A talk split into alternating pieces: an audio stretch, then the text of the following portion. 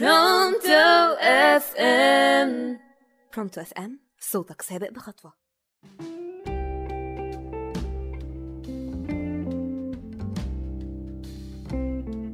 يا مساء السعادة على كل مستمعي راديو برونتو اف ام صوتك سابق بخطوة.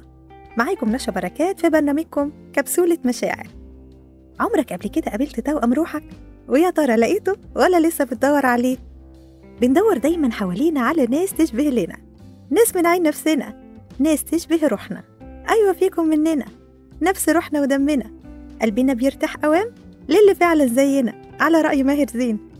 ناس بترتاح لك ساعات؟ ياخدوا قلبك من سكات. يخطفوك من غير كلام. أصل فيك منهم حاجات. ناس تشبه لنا؟ فيهم مننا روحنا واحدة. في ناس أول ما بنشوفهم بنحس إننا مخطوفين ومنجذبين جدا ليهم زي المغناطيس كده. بتلاقي نفسك بتنجذب لحد أول مرة بتشوفه أو بتعرفه.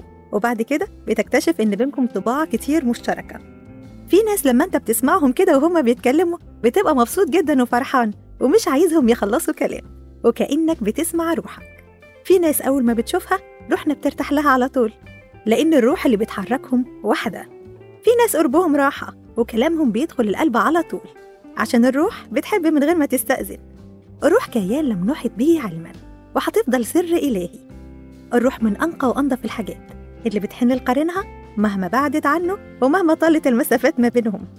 بيفضل التواصل ما بينهم ما بينقطعش خالص لأنه ببساطة بيبقى تواصل بالإحساس بالمشاعر بالروح. ما سألتش نفسك ليه كل ده؟ لأن الأرواح جنود مجندة. ما تعرف منها ائتلف وما تنافر منها اختلف.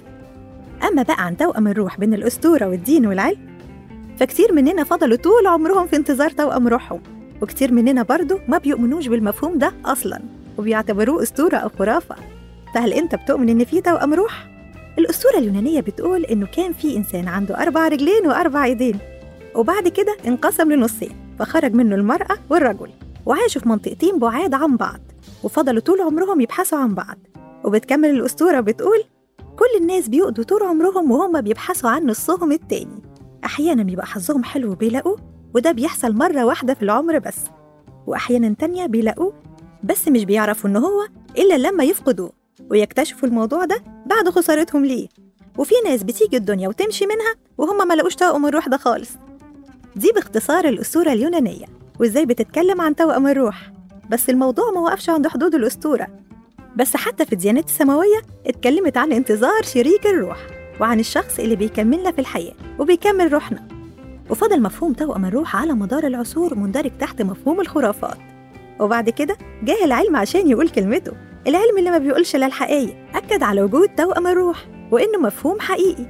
من خلال دراسة قامت بيها أوكسفورد يونيفرسيتي قالت الدراسة بمفهوم علم الاجتماع إن توأم الروح هو الشخص المقرب منك واللي بيفهمك بمنتهى السهولة. أما بقى عن الشق العلمي فبيكلمنا عن مفهوم الهرمونات والطاقة. واعتبروا إن لكل إنسان هرمونات وطاقة بتربطه بشخص آخر وبتكون مشابهة ليه جدا.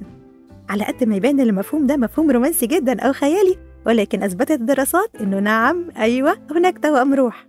وفي إشارات بتؤكد لنا إن إحنا لقينا توأم روحنا. هتلاقيه كده بيحترمك وبيحترم ضعفك وبيقبلك زي ما أنت بعيوبك قبل مميزاتك وبيعتبر عيوبك نقائص كاملة. بتحس بالراحة معاه حتى في وجود الصمت ما بينكم لأنك بمجرد وجوده جنبك بتحس بالسعادة والراحة وبتحس باكتمال مشاعرك حتى لو ما اتكلمتوش. لأن الدراسة أثبتت إن التواصل ما بينكم أعمق من الكلام وأعمق من الجسد هو تواصل روحي. عندكم نفس الأخلاق والقيم ومعظم آرائكم متقاربة جدا. توأم روحك بيديلك مساحة من الحرية مش بيحسسك إن وجوده خانق ليك فبيديك الحرية إنك ممكن تغادر في أي وقت. لأنه مش بيبقى خايف إنه يفقدك لأنه عارف إنك محتاج له زي ما هو محتاج لك وهو مش بيحس بخطر في البعد عنك لأنك هترجع له أكيد وهو كمان هيفضل موجود في حياتك. بتكونوا إنتوا الاتنين في نفس الحالة الذهنية والنفسية تقريبا وبتفضل تسأل نفسك هو أنا ليه قابلت الشخص ده؟ في الوقت ده بالذات والمكان ده بالذات والموقف ده؟ ما بتحسش إنك خايف تقول له حاجة ولا مضطر تخبي عنه حاجة لأنه هيقبلك زي ما أنت. من كتر إحساسكم ببعض بتحسوا بألم بعض.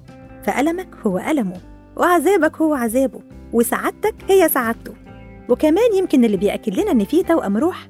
مقولة لجبران خليل جبران بتقول من تحبه هو ليس نصفك الآخر وأنت في مكان آخر في الوقت نفسه. فلو لقيت توأم روحك حافظ عليه واعرف قيمته كويس لأن خسارته لا تعوض. دور كده على شبيهك وهتلاقي روحك معاه. وكان معكم نشا بركات من راديو برونتو إف إم.